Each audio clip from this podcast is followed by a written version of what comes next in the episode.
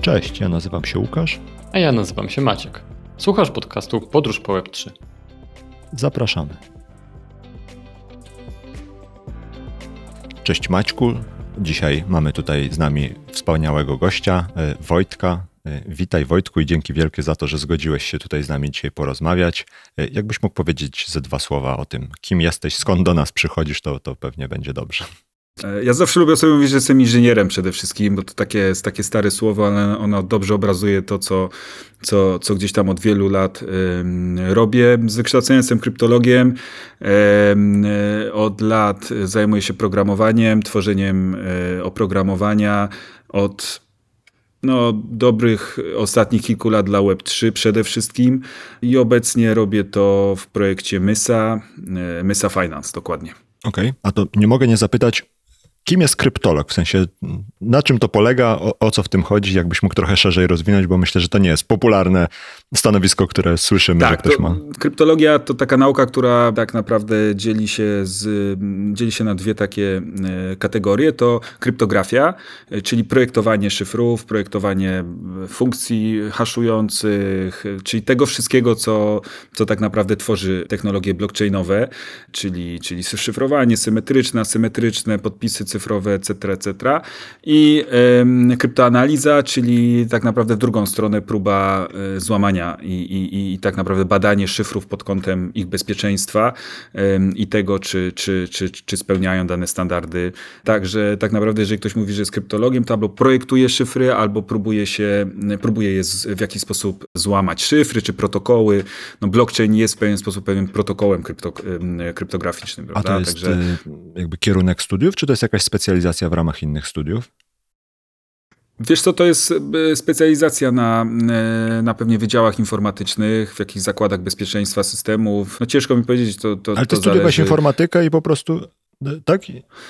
Ja studiowałem informatykę i studiowałem ekonomię też. To były jeszcze te piękne czasy, gdzie można było w miarę spokojnie dwa kierunki studiować. Chyba teraz to jakoś jest inaczej, ale wtedy rzeczywiście można było to, e, to robić w miarę, w miarę, w miarę swobodnie i, i pod skrzydłami takiego dosyć znanego poznańskiego kryptologa, profesora Stokłosy, ja z moimi kolegami kontynuowaliśmy tą e, e, tradycję kryptologiczną, bo nie wiem, czy wiecie, Poznań ma piękną tradycję kryptologiczną z Marianem Rejewskim na czele, czyli tym gościem, który złamał Enigmę e, w 1932 roku i, i tak naprawdę no, gdzieś to dziedzictwo tutaj jest i ono też w nas gdzieś, gdzieś, gdzieś, e, gdzieś było. Ja zresztą też trochę z tego powodu zająłem się w ogóle informatyką, w ogóle krypto, e, kryptologią, bo zawsze mnie ta historia fascynowała. Ale to jest tak, że jak skończyłeś studia, to potem pracowałeś jeszcze przed czasami Web3, które brzmią jak idealny mecz tego, co, co studiowałeś y, z tym, co, co jest jakby do zrobienia, to jakby przed tymi czasami Web3 pracowałeś jako, po prostu jako programista y, niezwiązany z rzeczami kryptologicznymi czy kryptograficznymi, czy, czy też miałeś tam jakieś doświadczenie? O dwóch rzeczach ci op wam, wam, opowiem przy tej, przy tej okazji, to w ogóle ciekawe. Pierwsza rzecz to taka, że e, zacząłem od, od, od tak naprawdę e, bezpieczeństwa i, i jak gdyby e, byłem takim audytorem bezpieczeństwa, robiłem testy penetracyjne systemów i tak dalej, ale to było dawno temu. Ja już mam trochę lat. Ciężko było się wtedy z tego utrzymać tak naprawdę. Znaczy system działał, a najgorzej jak ktoś pokazał, że coś w nim nie działa, to, to, to, to wtedy to, no, tak naprawdę nikt nie chciał tego wiedzieć. I jak gdzieś próbowałem, próbowałem się przedzierać e, e, i, i, i, takie testy robić, nawet czasami całkiem skutecznie. Koniec końców e, można było zarobić tak naprawdę programując i, i gdzieś to naturalnie, naturalnie gdzieś wyszło. I ja się trochę nie tyle przebranżowiłem, ile no to rzeczywiście to programowanie zaczęło w pewnym momencie dominować, trochę wyparło to zajmowanie się bezpieczeństwem, badanie tych, tych właśnie zabezpieczeń i protokołów kryptograficznych itd., itd., itd., bo, bo koniec końców to jest też trochę tak, że jak y, na końcu odczarujesz każde zajęcie, to okazuje się, że siedzisz i wypełniasz checklisty, wiecie, robiąc audyty bezpieczeństwa. To nie jest takie fajne. To, to nie jesteś takim hakerem, jakimś neo, który tam, wiesz... Nie masz czarnego ekranu z zielonymi rozwala systemy i tak dalej. No, No, wiesz, tam Linuxik musi być, oczywiście, bo to wszystko jak gdyby gdzieś tam w Kali Linux, takim, takim, takim distro Linuxowym się odbywa, jasne, ale koniec końców to jest potem pisanie nudnych dokumentacji, tak, także to też nie było takie fajne. E, także jak gdyby to, to programowanie przyszło naturalnie i, i, i jak gdyby mnie zresztą też to za, e, zafascynowało. A druga rzecz też taka ciekawa, bo, bo jak gdyby nawiązałeś do tego kierunku studiów i do, i do, do Web3, no ono jest takie zupełnie naturalne, em, elektroniczny pieniądz to gdzieś zupełnie gdzieś powinno być bardzo blisko mnie. Tylko ja pamiętam, ja oczywiście byłem gdzieś blisko Chaina zawsze, ale jednak to były gdzieś tam kilkanaście lat temu, em, to raczej te technologie, to były bardzo, to, to, to były bardzo brudne technologie. One, one na, brudne w cudzysłowie oczywiście, one nadal są brudne, ale wtedy one już były, one były gdzieś na poziomie działek na Marsie. To, ja pamiętam, że mniej więcej e, w czasie Bitcoina były takie startupy, które próbowały sprzedawać tam działki na Księżycu, prawda, i tłumaczyły, że to wszystko jest legalnie, oni mają to ogarnięte od strony legalowej i tak dalej. I jak gdyby, jak gadałeś z profesorami, gadałeś z ludźmi, y, to, to, to niewielu z nich to, e, to rozumiało i, i tak naprawdę e, w związku z tym byłeś tym przesiąknięty też trochę. Chciałeś pracować w czystej technologii, nie wiem, w AI, e, w cloudzie, to tam, to tam była ta wartość, to to się budowała, tu, to, a, to, a to było jakieś takie, jakieś takie, w związku z tym też nie było zainteresowania, nie było wtedy popytu na to, to, to rzeczywiście było taki, taki, taki mm, zupełnie rebellious świat. I też chwała na przykład tym, tym tym wykładowcom, tym profesorom, który, którzy młodym ludziom jak gdyby, bo to jest ich rola, znaczy jako, jako student przesiąkasz pewnymi rzeczami, czasami nie, niepotrzebnie, jeżeli, także jeżeli ktoś młody tego, jakiś student słucha i, i, i, gdzieś mu tam ładują do głowy jakieś głupoty, to niech ufa sobie i, i, i tak naprawdę y, wierzy, wierzy w technologię, bo, bo, bo, bo potem ona się broni. A Wojtku powiedziałeś, że to było takie brudne, takie brudne, ale Chodzi o to, że docierały już cię, do ciebie te sygnały, wiesz, na początku właśnie jak ten Bitcoin tam powiedzmy startował, jakie i wiesz, ta brudność to polegała na tym, że było, byli powiedzmy tacy szarlatani. Oni nie zginęli, gwarantuję, ale czy, czy byli tacy szarlatani, którzy właśnie próbowali robić rzeczy, które wiadomo, że nie miały prawa się wykonać, czy dostęp do technologii był brudny, to znaczy trzeba było to prawie, że hakować, bo nie było tuli, bo to wszystko trzeba było, wiesz, odpalić sobie Node'a y, na swoim komputerze, i gdzieś tam coś porobić i tak dalej. I jakby bariera wejścia była taka spektakularnie wysoka. To znaczy trochę wszystkiego. Ja bym dodał jeszcze jedną rzecz i to pewnie zdziwi wielu, ale technologia blockchain jako taka jest technologią dosyć prostą. To znaczy, w sensie tego, jak ona działa i funkcjonuje, to nie jest fizyka kwantowa. To nie są jakieś ML-owe, mega rozbudowane algorytmy. To jest prosta, prosta idea, o bardzo rewolucyjnej takiej y, naturze. To znaczy, można, można bardzo okrągłe i takie wręcz filozoficzne y, stwierdzenia budować na bazie tego, co można zrobić z technologią blockchain. Nie? Bo rzeczywiście ci, ci, tych mentorów wtedy się dużo, y, dużo, dużo pojawiało i tak dalej. A nie było tam, było wielu mesjaszy, a nie było wielu inżynierów, nie? Którzy, którzy tak naprawdę wdrażają to. Nie? I było dużo poszukiwaczy złota, tak, a, a, a tak naprawdę y, gdzieś, y, gdzieś ten, ten, y, i to oni się przede wszystkim przebijali i myślę, że to dlatego tak było, że, że jak gdyby ta adaptacja blockchaina przebiegała w taki sposób trochę inny i trochę dziwny i dlatego pewnie nie wszyscy do końca to chwytali. I nadal chwytają, no bo, bo jak gdyby nadal, powiedzmy sobie szczerze, to jest wszystko jeszcze bardzo wczesne.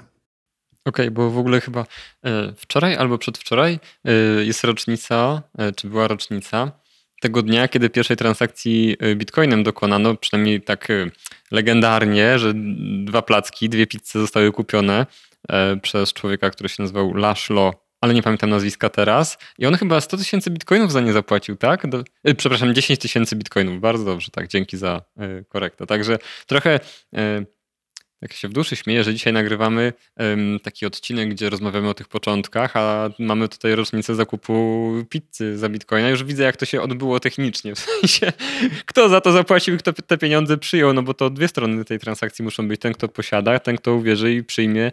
A Wojtku, a w którym roku mniej więcej ty wszedłeś w te tematy Web3? I też z jakiego powodu, jak to się stało w ogóle? To... Nie?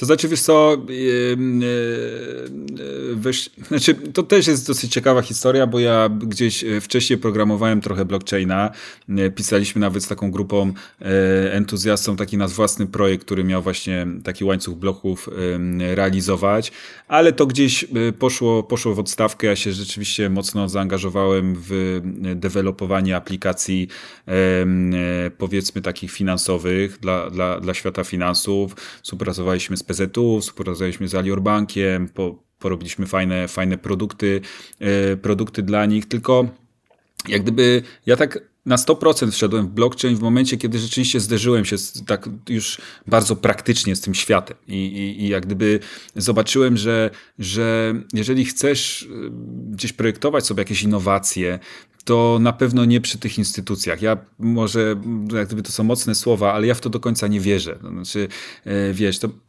to jest trochę tak, że masz naprawdę fajny pomysł e, na, na jakąś rewolucyjną usługę i idziesz porozmawiać z tym, z jakimiś reprezentantami banku i oni jak naprawdę po kolei obcinają to wszystko i na końcu wiecie, no, podam wam prosty przykład, gdzieś tam projektowaliśmy taką usługę ubezpieczenia mm, najmu, y, płatności za najem. I jak gdyby mieliśmy to wszystko fajnie rozpisane, to wszystko miało fajnie działać, a koniec końców skończyło się na tym, że mieliśmy po prostu przez taki link afiliacyjny kierować na stronę która, banku, która udziela chwilówki.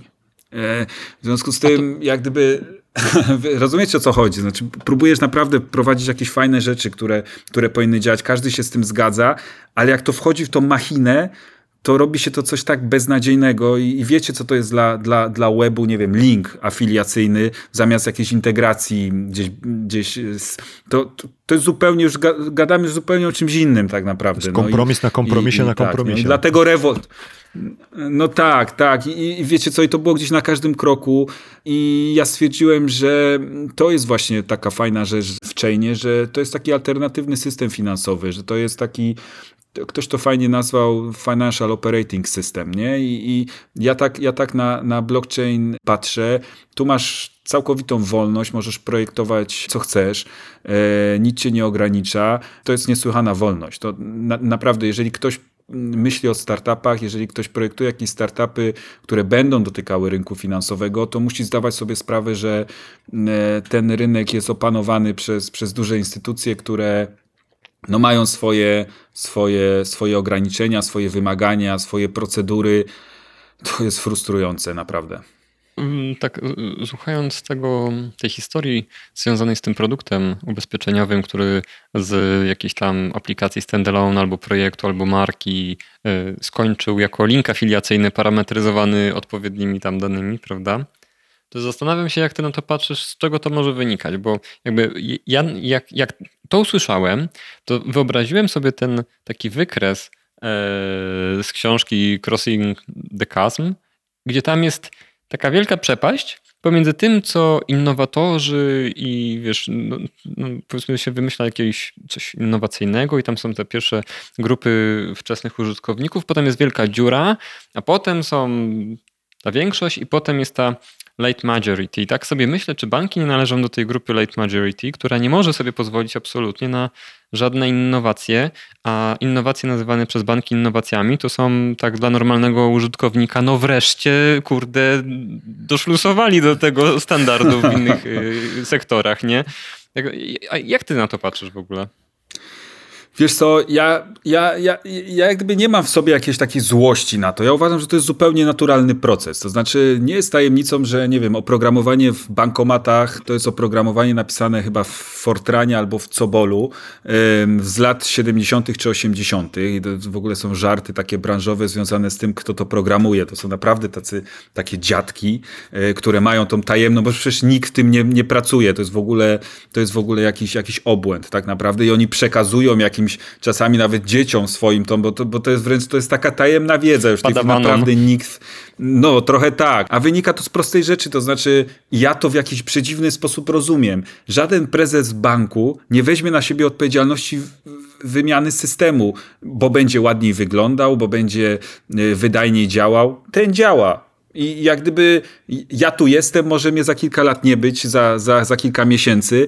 Ja nie wezmę na siebie tak wielkiej odpowiedzialności. I to jest, to jest takie sprzężenie, które, które jest, nie, to znaczy to jest nie do rozwiązania. Dlatego ja tak bardzo optymistycznie patrzę na blockchain, bo, bo, bo uważam, że w tym starym systemie finansowym działają mechanizmy, które są nie do zatrzymania. To znaczy, nie możemy tego zmienić. To, to jest, to jest, y, y, tam jest jeszcze y, druga rzecz, że zobaczcie, w banku procent osób, które pracują nad technologią, no nazwijmy ich tak ogólnie programistami, ale to znacznie szersza grupa, to jest pewnie tak kilka procent. W, w, w, tak, ta, ta, komputerowcy.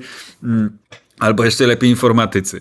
E, to, to, to jest ich pewnie kilka procent, nie? Natomiast, nie wiem, w rewolcie to jest 80% tak naprawdę. W związku z tym to jest w ogóle zmiana jakiejś, jakiegoś patrzenia na to, jak to działa, jak to funkcjonuje i dlatego ja nie jestem tak, tak, tak, taki bardzo łatwowierny, jeżeli chodzi o technologię, ale sam na swoim przykładzie przekonałem się o tym, jakie są możliwości blockchaina i dlaczego, dlaczego warto tu być. Dlaczego, dlaczego warto na tym wczesnym jeszcze etapie. A od którego, jakby od którego blockchaina zaczęła się twoja taka na poważne fascynacja? Czy to był Bitcoin, Ethereum, czy coś innego? Jak cały ten ekosystem? No bo teraz tych blockchainów to jest mnóstwo, nie? Jasne, ja zdecydowanie jestem jak gdyby, e, to chyba nie trudno sobie wykminić, że jestem tym, tym z tego teamu Ethereum powiedzmy, bo w ogóle tego, ta, ta, ta idea takiego zdecentralizowanego komputera, którą Vitalik Buterin gdzieś tam przedstawił, no jest dla mnie mega fascynująca. Ja, ja nie jestem taki bitcoinowy mocno. Dla mnie ten, ten pomysł na to, że, że jak gdyby uruchamiasz program, czy, czy w ogóle idea smart kontraktu jest, jest, jest, jest mega fascynująca. Niezależnie od tego, jakie to ma tam swoje oczywiście e, e, ograniczenia i, i jednak coraz bardziej widzimy, że taki ten mocno zdecentralizowany świat, który był w wizji Witalika Buterina, on, on będzie musiał się trochę scentralizować, bo, bo jak gdyby to zabiera tyle usability, tyle, tyle ta, jest taki problem z UX-em i tak dalej, że jednak trzeba będzie to trochę centralizować, ale sama idea jest mega fascynująca i zdecydowanie, zdecydowanie to jest ten kierunek, który mnie, mnie interesuje do tego stopnia, że ja nawet nie wiem, jak się programuje bitcoina, muszę wam szczerze przyznać. Wiem, że tam są jakieś możliwości, wiem, że tam są te Lightning Network i tak dalej, ale mnie jakoś to, nie wiem, mnie to po prostu nie kręci. Dlatego jestem zdecydowanie tutaj w tym. A jak, patrzysz, a jak patrzysz na tych wszystkich Ethereum killerów, tych wszystkich, te wszystkie solalne awalansze i tak dalej? Śledzisz to w ogóle tak na zasadzie choćby jednym okiem podglądasz, żeby zobaczyć, czy przypadkiem faktycznie ktoś nie przyjdzie i nie wbije noża w plecy Ethereum i go nie zaora? Czy jesteś na tyle przekonany, że Ethereum i, i jakby to będzie główna oś tego, tego całego ruchu Web3? Nie, nie, nie, jak gdyby wręcz przeciwnie. Znaczy ja wierzę jak gdyby w Ethereum, ale nie do końca wierzę w to, że to będzie Ethereum. bardziej chodzi mi o samą ideę i koncepcję e, programowalnych blockchainów. ale wiesz, no, my tutaj przy tym naszym projekcie robimy mocny research związany z tym, gdzie się deployować tak naprawdę. To znaczy, bo e, i, i to też tutaj był obszar wielu naszych rozmów i mamy dużo przemyśleń. Pewno będzie, znaczy moim zdaniem to jest w tej chwili trochę wtórne jeżeli, nie wiem, masz projekt blockchainowy i na jakim chainie się deployujesz, e, bardziej musisz patrzeć na to, żeby one były interoperacyjne ze sobą. Znaczy te, te już powstają, powstają coraz więcej bardzo fajnych projektów, które umożliwia to, żeby, znaczy koniec końców za kilka lat y, użytkownik nie będzie miał nawet do końca świadomości, czy nie będzie musiał mieć świadomości, na którym chainie jest.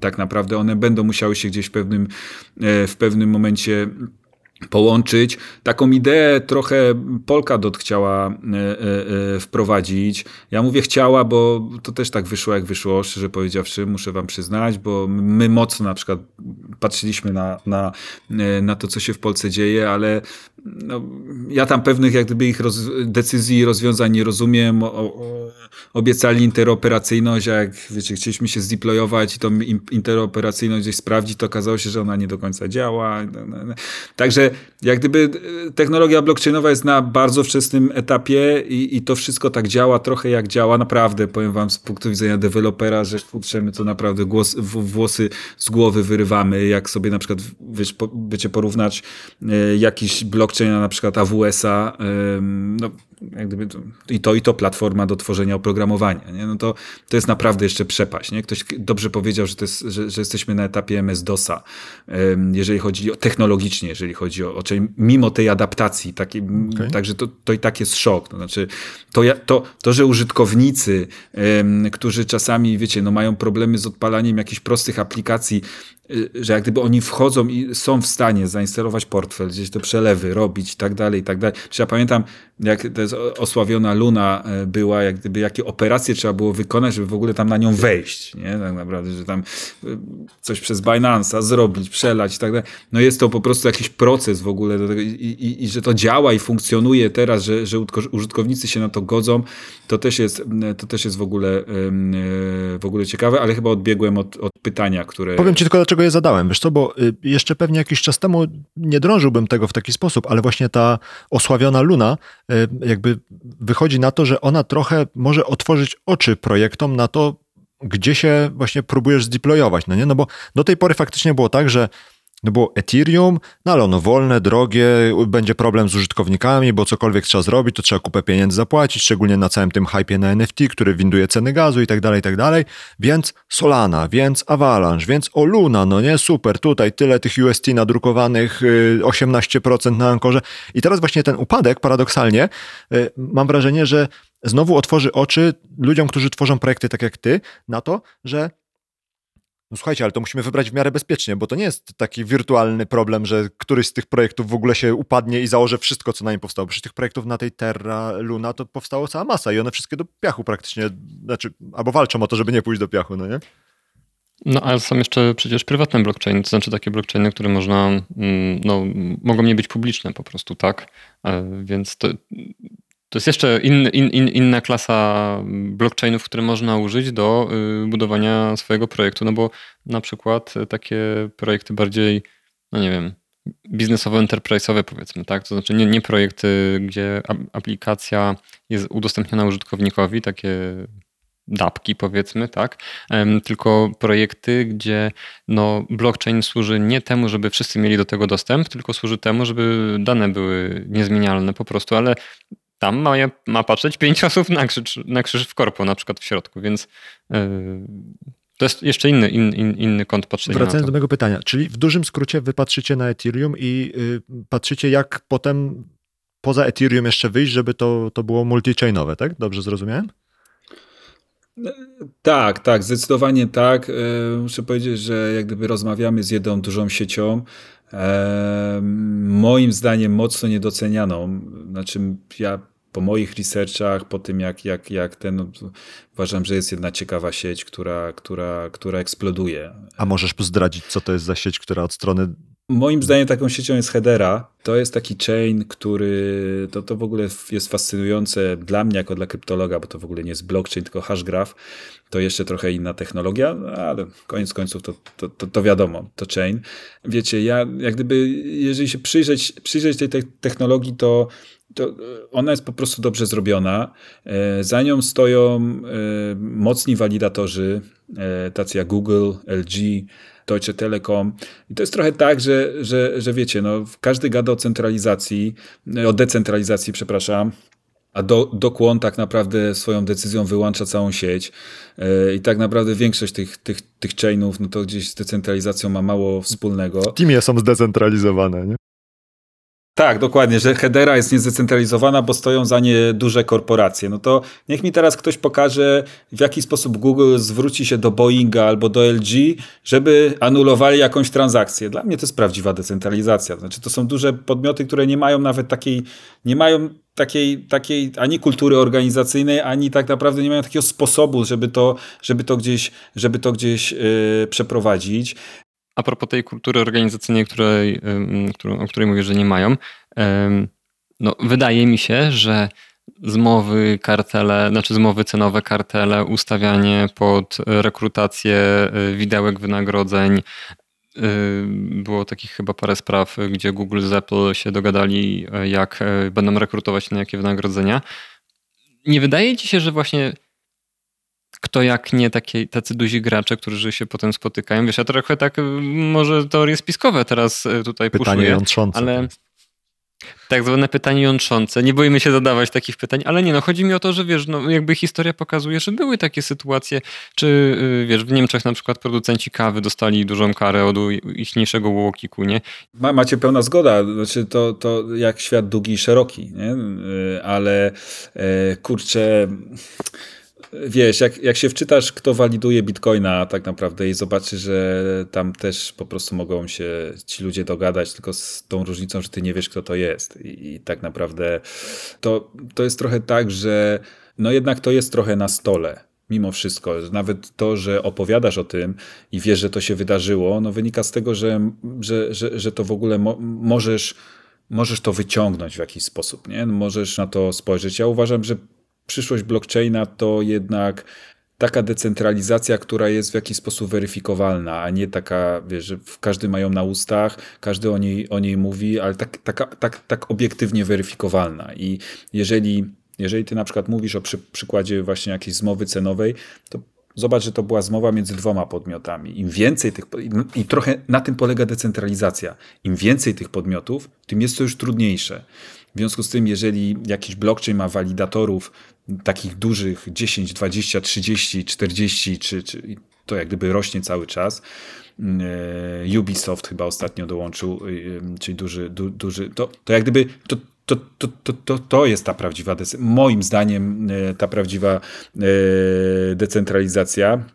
Yy, no tak jak mówię, no, no, no, pewnie Ethereum jest tym wzorem i tam i, i tutaj pełna zgoda, jeżeli on, on, się, jeżeli on się ładnie, yy, ładnie rozbuduje, yy, te, te, te L2, czyli te, te, te, ten layer 2 zacznie fajnie działać i funkcjonować, to na pewno jak gdyby też, ja, to nie jest tak, że ja jakiś jestem teraz wyznawcą jakiejś jednej sieci, to jest po prostu nasz taki proces decyzyjny przy, e, przy tym, na którą technologię w tej chwili patrzymy najbardziej z największym zainteresowaniem, to powiedziałbym, że, że Hedera, wcześniej pewnie była to Polka, także, także to, się też, e, to się też wszystko może zmienić, dlatego tak mówię, taka, ta, tak ważna jest ta interoperacyjność przy, przy projektach blockchainowych, nie? żeby sobie o tym zawsze pamiętać Wiesz, i myśleć. Ja tak pytam o takie wrażliwe i niewygodne rzeczy, bo jest cały czas duża debata teraz publiczna, powiedzmy, mamy Davos, które się dzieje, tam są tematy z krypto poruszane.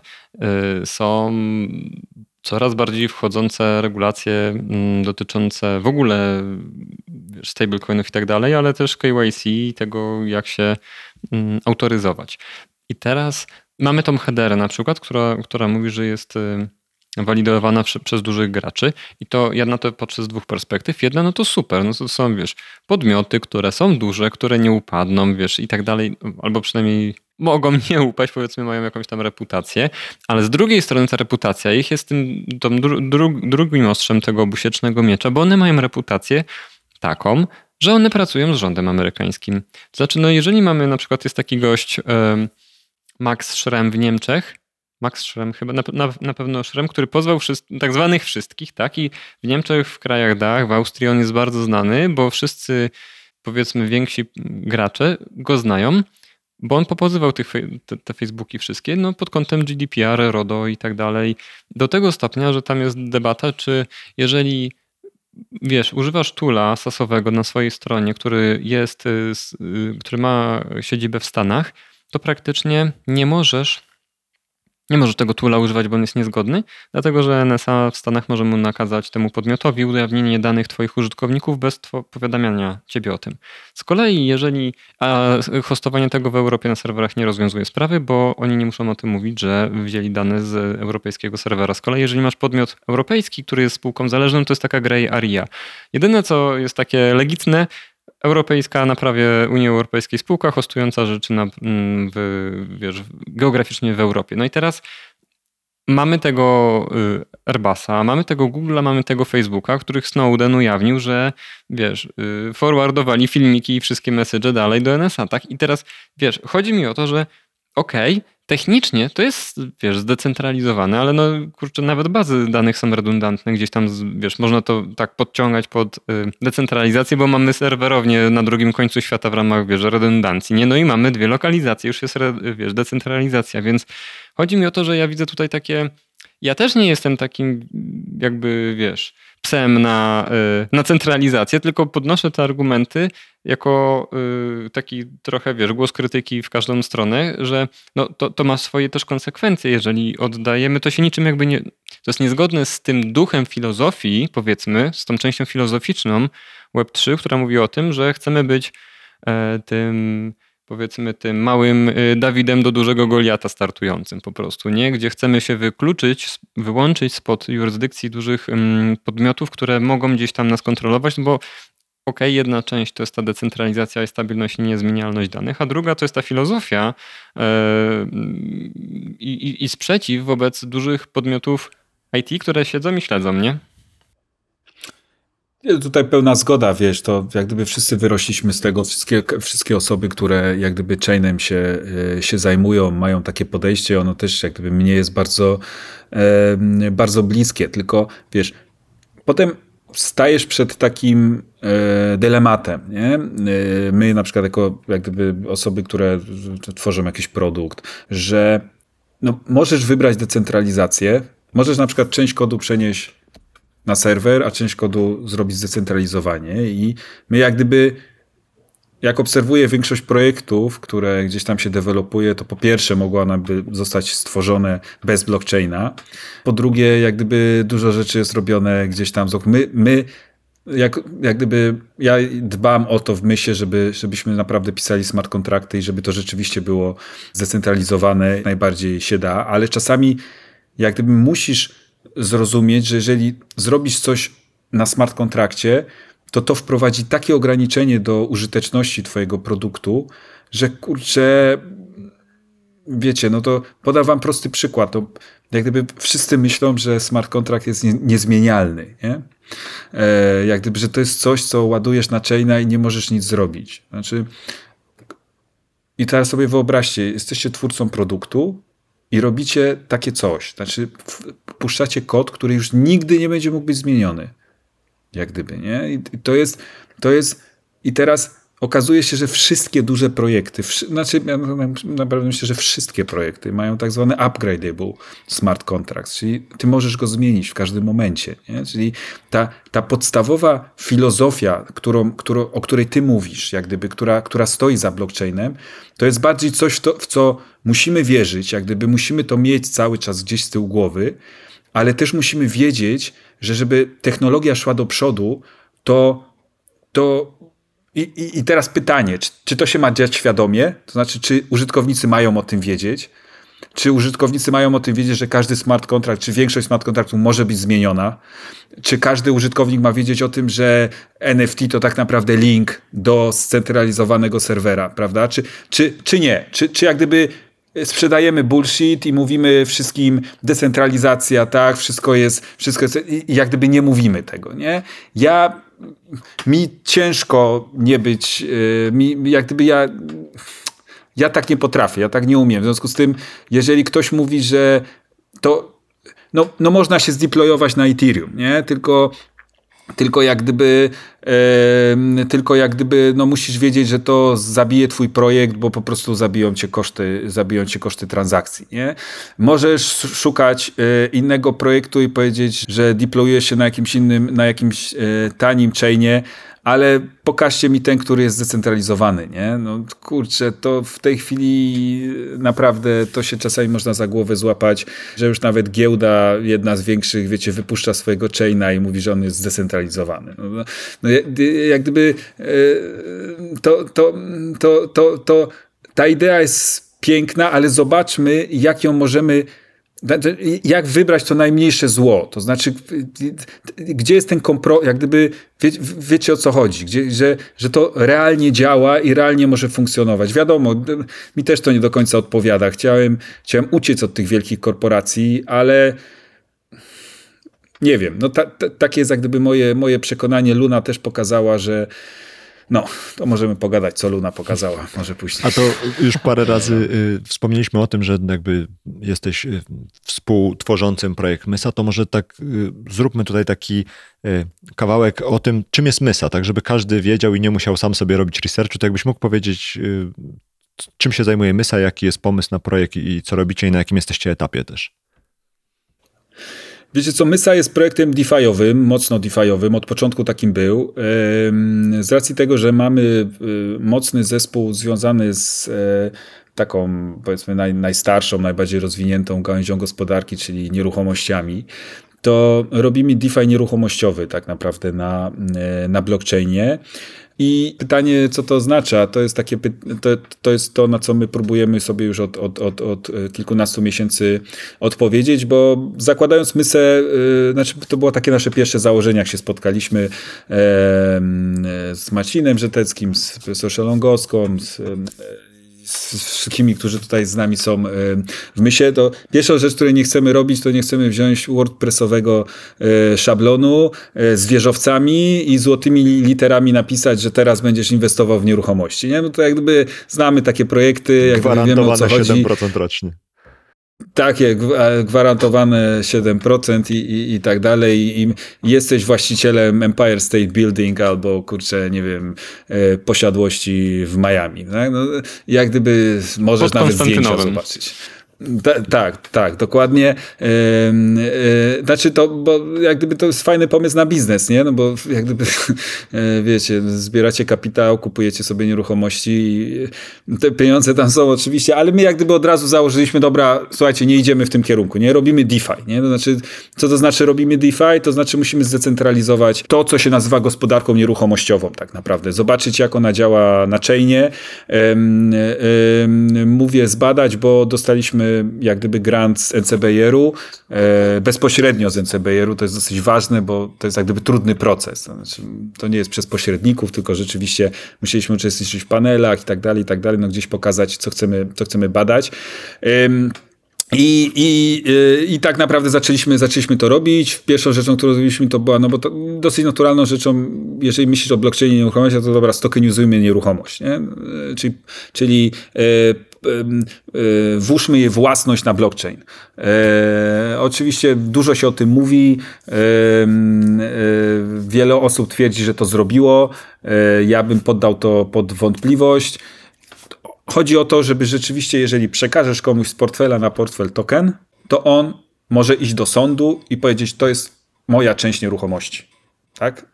I każdy sąd powie, tak, to jest pana część nieruchomości. No, to jest pro, prosty weryfikator sądowy, powiedzmy, nie? No bo nieruchomości takie są.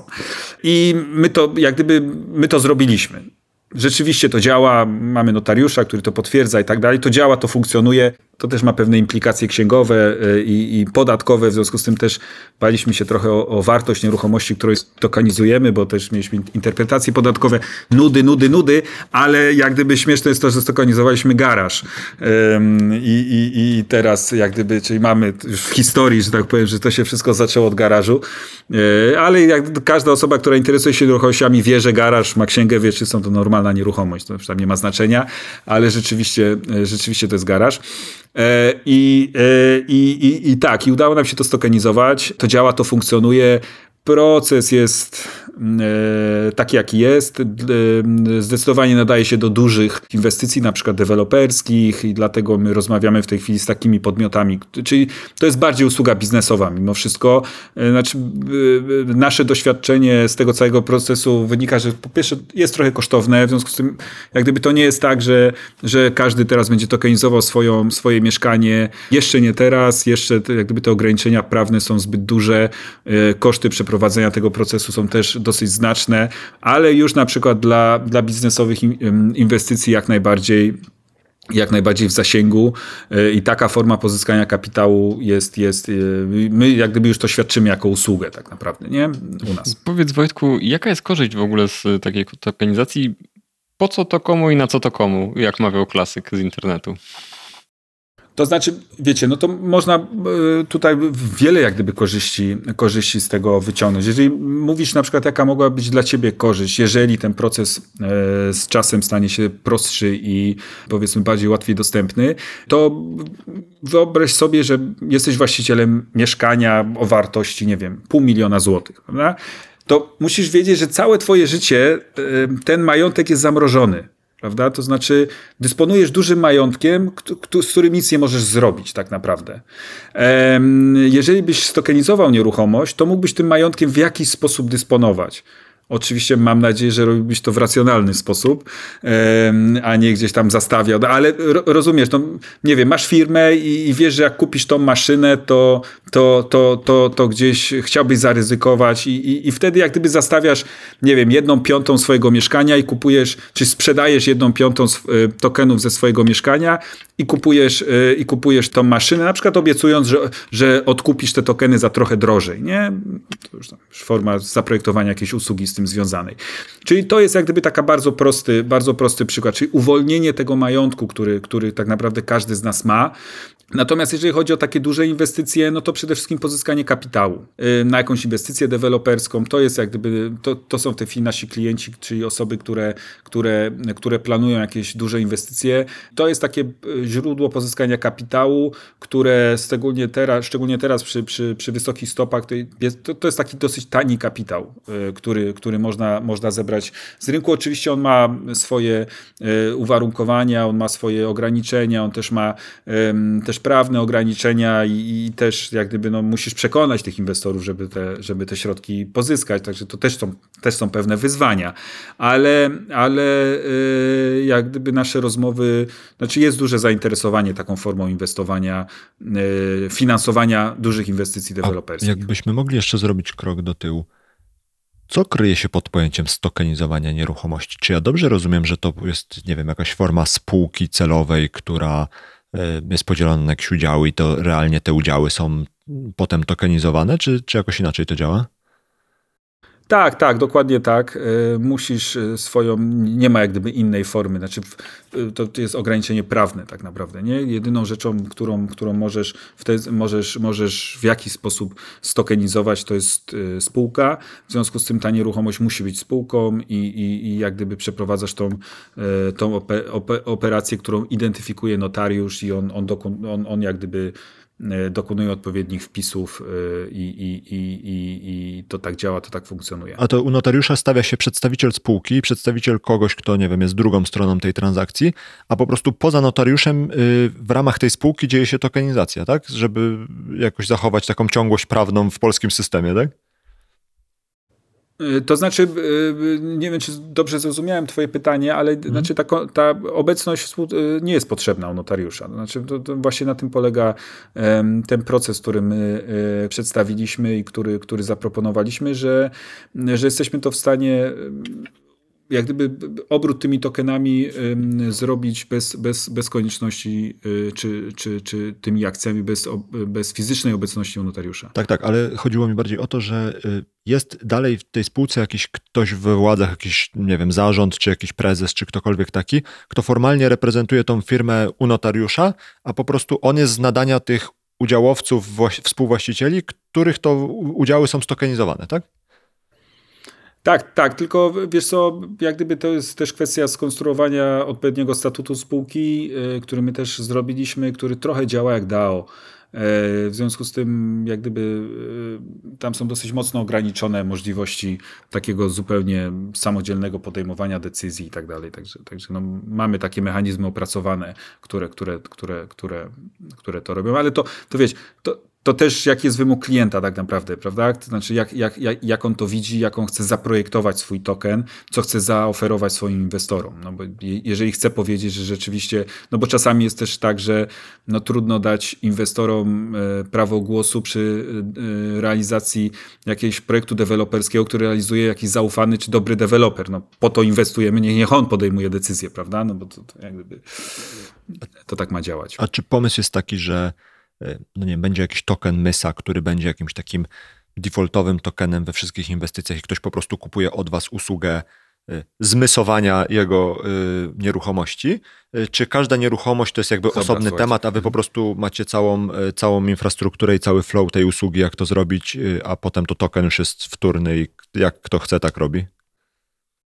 To teraz może przejdźmy do drugiego kroku, tak naprawdę, e, tego, e, nad czym pracowaliśmy. Tak jak powiedziałem, stokenizowaliśmy nieruchomość, mamy cały mechanizm do tego i mamy usługę B2B, która to e, realizuje, ale naprawdę myślę, że i dla Was, i dla słuchaczy tego podcastu to są nudy tak naprawdę i, i, i, i kurczę, dla nas trochę też, ale mamy jak gdyby nasz legalowy team, który się tym mocno zajmuje. Technologia jest opracowana, działa, funkcjonuje, wszystko jest fajnie. Gdzieś nawet y, zrobiliśmy, żeby chociaż trochę nadać temu takiego fajnego charakteru, to na konwencji takiego największego w Polsce stowarzyszenia takich inwestorów i deweloperów, mieszkanicznik, zrobiliśmy taki show, na którym przeprowadziliśmy pierwszą transakcję sprzedaży i pokazaliśmy, proszę, połączyliśmy się z notariuszem i że to działa, funkcjonuje. No, ale nie wiem, nie wiem, czy mi się podobało, to też specyficzne grono ludzi. E, nie, no podobało się, wiadomo, no, jak gdyby dużo teraz o tym rozmawiają e, i tak dalej, ale ja, e, ta, ta tokenizacja była częścią tego projektu badawczego i, i, to działa i funkcjonuje, ale tak jak powiedziałem, my chcieliśmy robić DeFi, nie? Jak gdyby to jest, to jest e, trzon mysy i, i, i, i dlatego zaczęliśmy tak naprawdę po tokenizacji, która zaczęliśmy projektować w ogóle narzędzie do inwestycji w nieruchomości, nie? czyli czyli, y, tak naprawdę w jaki sposób realnie wprowadzić nieruchomości, czy tą formę inwestowania w nieruchomości na blockchain. Nie? Ale nie na zasadzie obietnicy, o której wspomniałem na początku, czyli wieżowce i złote litery, tak? tylko realnie w zdecentralizowany sposób, jak, jak, zrealizować, jak zrealizować real estate'ową ekonomię w ogóle e, inwestycyjną. I dlatego opracowaliśmy coś, co się nazywa DREIT, czyli Decentralized Real Estate Investment e, Tool. To jest no, pewnie osoby, które znają gdzieś tam w inwestycjach siedzą doskonale, zna, wiedzą, co to jest REIT, taki amerykański, powiedzmy już matko pewnie z 50-60 lat znany twór do inwestycji na rynku nieruchomości. W Polsce też RITy miały powstawać, ale, ale to gdzieś tam ugrzęzło e, i tego nie ma. My stworzyliśmy taką zdecentralizowaną wersję takiego RITu z całą ekonomią tokenu i tak dalej, i tak dalej. W związku z tym, jak realnie wprowadzać wartość, czyli, czyli te, te, te fiaty z rynku, z rynku e, do ekonomii tokenu i cały ten schemat opracowaliśmy łącznie z e, takim token flow, no też zdobyliśmy dużą wiedzę na temat temat tego, jak, jak w ogóle budować, budować taki token, jak, jak, jak, jak badać jego wrażliwość, jak starać się działać na jego, na jego zachowanie. To też w ogóle temat na osobną rozmowę, to w ogóle fascynujące. Wiecie, no stajecie się, e, kurczę, to zawsze, zawsze no stajecie się emitentem pieniądza, prawda? W związku z tym możecie całkowicie wpływać na to, jak on się zachowuje. To jest, to jest zupełnie fascynująca i, i, i niesłychana przygoda. Naprawdę dziwię się studentom ekonomii, którzy po prostu się tym nie zajmują na potęgę, bo to jest w ogóle, w ogóle, w ogóle rewelacja. Jest SimCity na żywo. Cały dział, ca, no, całe działy ekonomii tak naprawdę, które po prostu trzeba, trzeba zaadoptować, e, monetaryzmu, jak gdyby e, w jakieś teorie Friedmana i tak dalej, tak to wszystko można ładować w chaina, patrzeć na to, e, na to, jak to się zachowuje, jak to się robi. Mamy Bitcoina, który jest takim powiedzmy wyznacznikiem, trendem tak naprawdę, do którego możemy się zawsze, no to jest w ogóle miazga i mega, mega ciekawe, interesujące temat. Mam, ta, mam taką teorię, że studentów ekonomii nie interesuje ekonomia generalnie. No, no, no, to, to tak. Dlatego to, tego to nie robią. Chyba, to, to, to, to gdzieś chyba o to chodzi. No i opracowaliśmy tego Dirita i, i to też była bardzo fajna, bardzo fajna przygoda. Nawet dostaliśmy jakieś nagrody za to gdzieś tam na Malcie. Udało nam się, udało nam się dosyć z sukcesem zaprezentować ten projekt. No i, z sukcesem, bo wygraliście, jak widziałem wasze... Tak, tak. Tak, tak, tak, wygraliśmy. No to no trzeba i oczywiście wtedy to sukces, się... jak wygraliście. No, dzięki, dzięki. E, no i wtedy oczywiście pojawiło się słynne Wen Token, nie? E, tak naprawdę. Wen Token Mister, my się tu śmiejemy zawsze. Ale tak jak mówię, to, kurczę, to nie o to chodzi w mysie, wiecie. My jak gdyby mogliśmy od razu po tej, wyda- yy, oczywiście mieliśmy jakieś launchpady, od razu się do nas zaczęły zgłaszać, dobra, wydajcie token i tak dalej, i tak dalej, i tak dalej, i tak dalej. Ale tam jeszcze czegoś brakowało. Nie? Tam cały czas jeszcze czegoś brakowało, coś co nas, że tak powiem, jeszcze, jeszcze ten, jeszcze spokojnie. Jeszcze mieliśmy jakby finansowanie z NCBR-u i my chcemy jak gdyby dopracować to, co, to, co robimy. Chcemy zaprezentować coś naprawdę, naprawdę fajnego. no i tam brakowało UI-a tak naprawdę. Nie? I, i, I, w ogóle blockchainowi brakuje UI-a. E, to jest taka nasza, nasza obserwacja.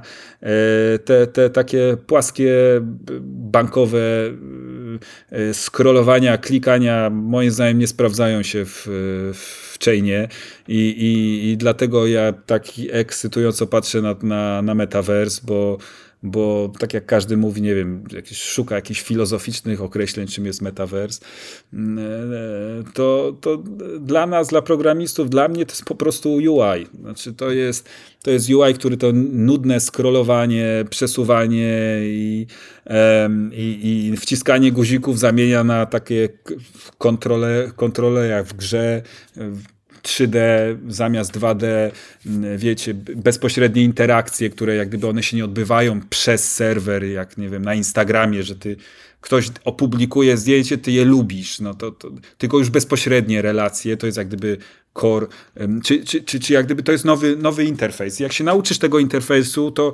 to Wiecie, my projektujemy teraz metawersy, jak gdyby, i, i jak gdyby, w związku z tym w tej chwili, jak gdyby e, dla naszego narzędzia inwestycyjnego projektujemy metavers i, jak gdyby mamy już, on już jest e, w dużej części gotowy i ja mam syna, jak, jak, jak na przykład daję, daję mu to do potestowania, to ja od razu widzę, że on to jest dla niego naturalne. Nie? Znaczy to dla nas nie jest, dla mojej żony nie jest, ona jednak woli jeszcze sobie spokojnie, to jest jej spokojny świat, prawda, przewijania, scrollowania.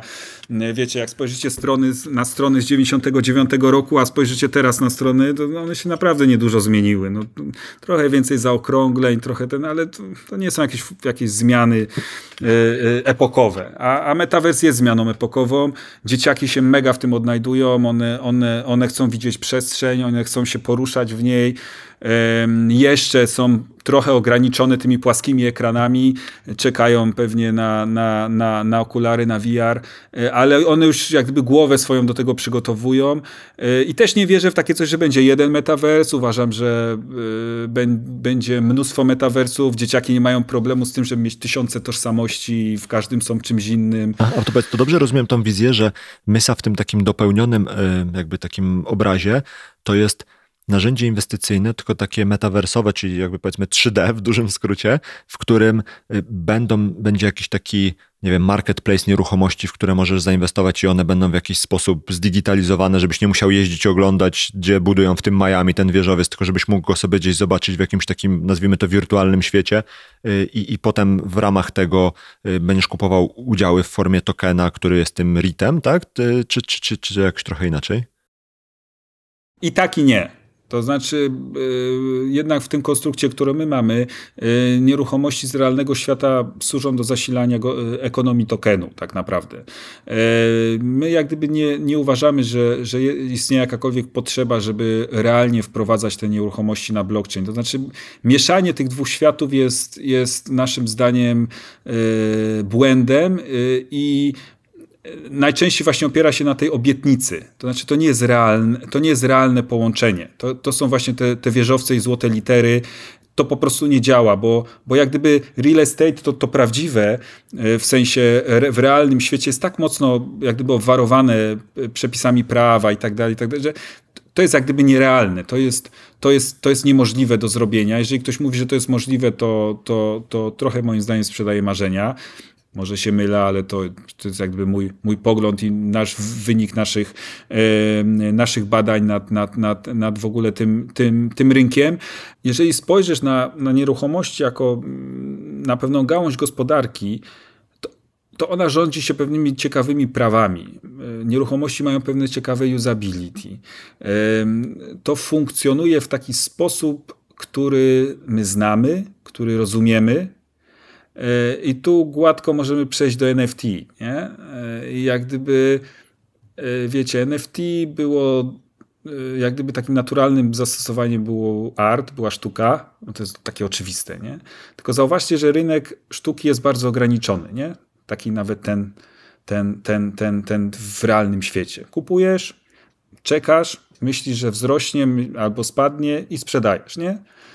Jak sobie pomyślicie o rynku nieruchomości, to on jest nie jest mocno bardziej skomplikowany, ale jest jednak trochę bardziej skomplikowany, ma trochę więcej usability, trochę więcej procesów, tak dalej, tak dalej, tak dalej.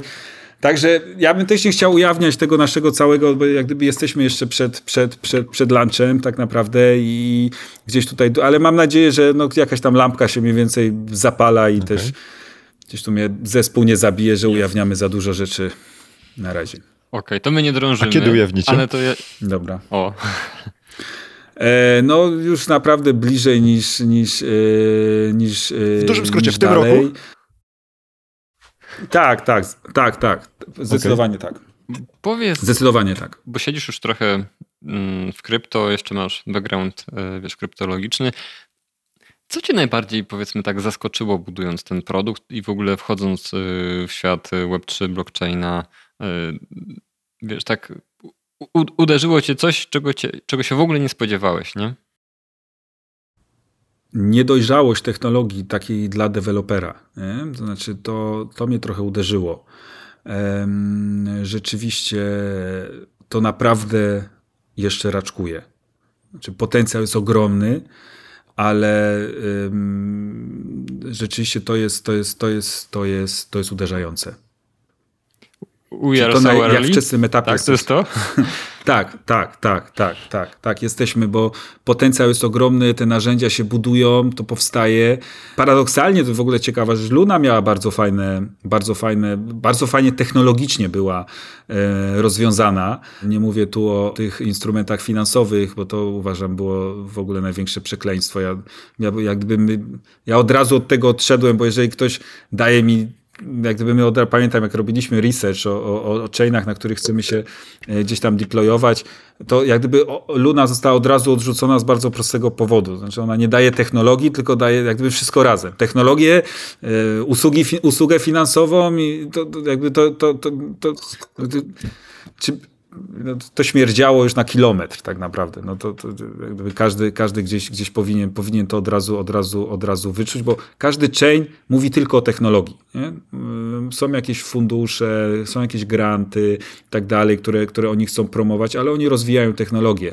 Yy, Luna jest takim instrumentem, który jak gdyby sam stał, sam też jak gdyby stworzył usługę nie? finansową i, i, i, to wszystko na to, to, to od początku było przynajmniej dla mnie bardzo podejrzane, ja nigdy nie chciałem się z tym wiązać, ale ym, mnie, mnie to zaskoczyło. Mnie to, mnie to zdecydowanie zaskoczyło yy, w Chainie.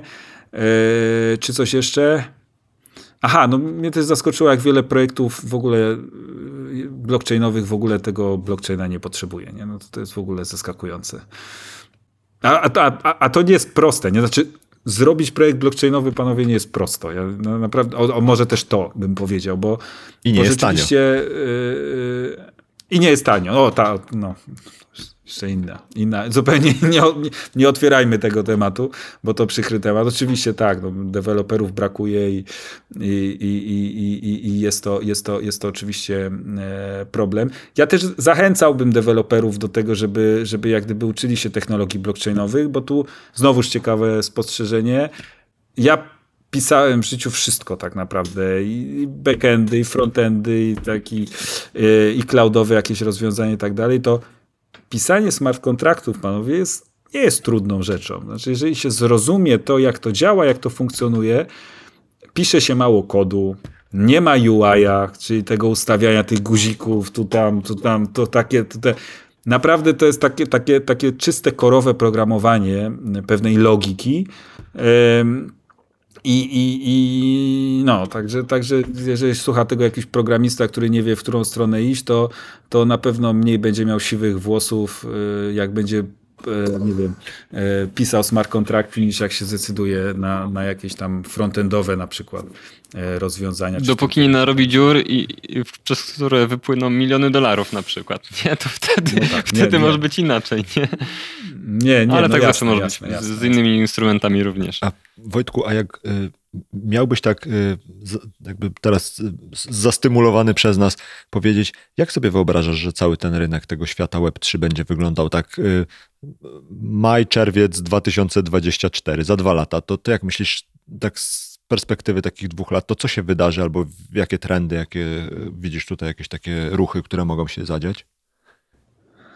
To znaczy zdecydowanie NFT. To znaczy dla mnie, dla mnie to jest w ogóle fascynująca technologia z bardzo prostego powodu.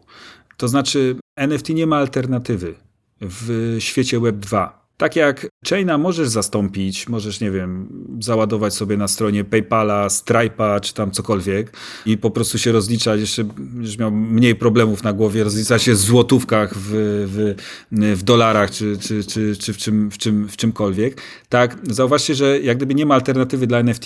Znaczy nie, nie, możesz, nie możesz wziąć technologii Web 2 i zrobić NFT. Nie ma tego, jak zrobić. W związku z tym NFT jest rzeczą, która moim zdaniem spowoduje jakąś bardzo szeroką adaptację blockchaina jako takiego i, i to jest zdecydowanie przyszłość. No, kwestia wymyślenia użyteczności dla NFT-ków, tego do czego mogą służyć. Bored Apes pokazało, że, że, że, że to nie tylko muszą być obrazki, że jednak takie poczucie udziału w czymś większym, w jakimś, w jakimś klubie jest też takim, takim fajnym drive'em do tego, ale myślę, że tych use case'ów jest cała, cała masa do odkrycia, także to jest w ogóle fascynujące. A druga rzecz to jest ta interoperacyjność. No myślę, że to, że jak to przyjdzie, jak rozwiną się bridge, czy może jeszcze w ogóle jakieś inne technologie, które pozwolą jak gdyby łatwo między sieciami się przenosić, to to będzie naprawdę, naprawdę ważne, bo, bo w tej chwili to, to jest duży hamulec do tego, że, że, że wiecie, no chcesz być na jakimś szczenie, musisz mieć dedykowany portfel, no wiadomo, Metamask tam wspiera jakieś rzeczy, ale nie wiem, no teraz duży hype jest na, na, na Layer 2, na, na Ethereum, e, czyli te Arbitrum wszystkie, czy e, temu podobne rzeczy, ale no, koniec końców sprowadza się do tego, że musisz znowuż dodać nową sieć na Metamasku, między tymi layerami nie ma komunikacji, e, w związku z tym, no to, to no. Trzeba to jeszcze wszystko wymyślić. Okay. Trzeba A... to jeszcze wszystko wymyślić, no. A jak y, ktoś słuchając opowieści o mysie y, chciałby cokolwiek, y, w jakąkolwiek interakcję wejść z mysą, czy w jakiś sposób się zaangażować, czy cokolwiek zrobić, to, to gdzie byśmy go mogli odesłać i co ewentualnie wiem, potrzebujecie, szukacie może kogoś? Jak gdyby mamy tu y, tak zespół, który, który, który się cały czas rozwija, e, przychodzą do nas e, e, nowe osoby. Najlepiej kontaktować się z Jacobem, czyli z naszym, z naszym headem od marketingu tak naprawdę. To ten gość, który pisze te średnio śmieszne albo bardzo śmieszne żarty na Twitterze. W ogóle bardzo fajny gość i, i wszystkich zachęcam do tego, żeby z nim pogadali. Tak naprawdę wiecie, no my mocno jak gdyby sociale swoje chcemy rozwijać i, i, mocno sobie gdzieś tam też eksperymentujemy z tymi, także pewnie to jest najlepszy sposób na to, żeby się z nami skomunikować, niezależnie czy jesteś Twitterowcem, LinkedInowcem, czy, czy, czy, czy nie wiem, czy jeszcze są jacyś ludzie od Facebooka, ale może ktoś jeszcze jest, to, to, wtedy, to wtedy tak. Na, na Instagramie nas nie ma, bo nie za bardzo się chcemy jeszcze jakoś. Nie, nie mamy co fotografować. A dziewczyny się nie chcą zgodzić. Wojtku, a powiedz, czy potrzebujecie może czegoś? Macie coś, w czym ktoś słuchający mógłby wam pomóc? Czy my czegoś potrzebujemy? Kurczę, dużo rzeczy potrzebujemy. W, w, wiesz co, a damy sobie radę. Kurczę, wiesz, naprawdę tutaj siedzimy po 15 godzin nad kodem, także wiesz, po, ostatnio mieliśmy taki maraton właśnie związany z, z, tym, z, tym, z, tym, e, z tymi nowymi, fajnymi informacjami, które niedługo przed nami. E, i, i, i, i także, także z tym, wiesz, wszystkich ludzi, którzy mają zupełnie odjechane pomysły i jak gdyby nie boją się ich e, realizować, to znaczy zawsze w mysie robimy taki test, wiesz, jak ktoś do nas przychodzi, to się zastanawiamy, jakim po prostu najgłupsze zadanie dać, takie, które najbardziej odjechane, które, które gdzieś też nas do czegoś przybliży, e, ale jednak no nie, wyciągnie go z tego takiego, takiego e, czy nie lubię tej strefy komfortu, bo to jest szablonowego myślenia. Objechane, ale wiecie o co tak, tak, takiego szablonowego myślenia, nie?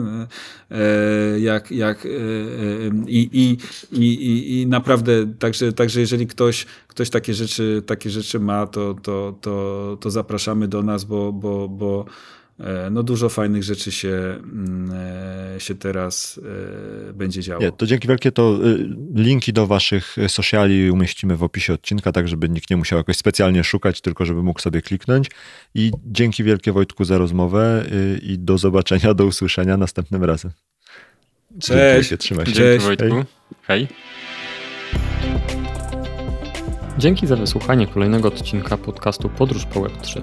Żeby nie przegapić kolejnych odcinków, pamiętaj, żeby zasubskrybować ten podcast w swojej aplikacji do podcastów. Wejdź również na www.ppw3.pl i zapisz się do newslettera. Otrzymasz dzięki temu powiadomienie o każdym nowym odcinku oraz dodatkowe materiały. Dzięki i do usłyszenia. Cześć.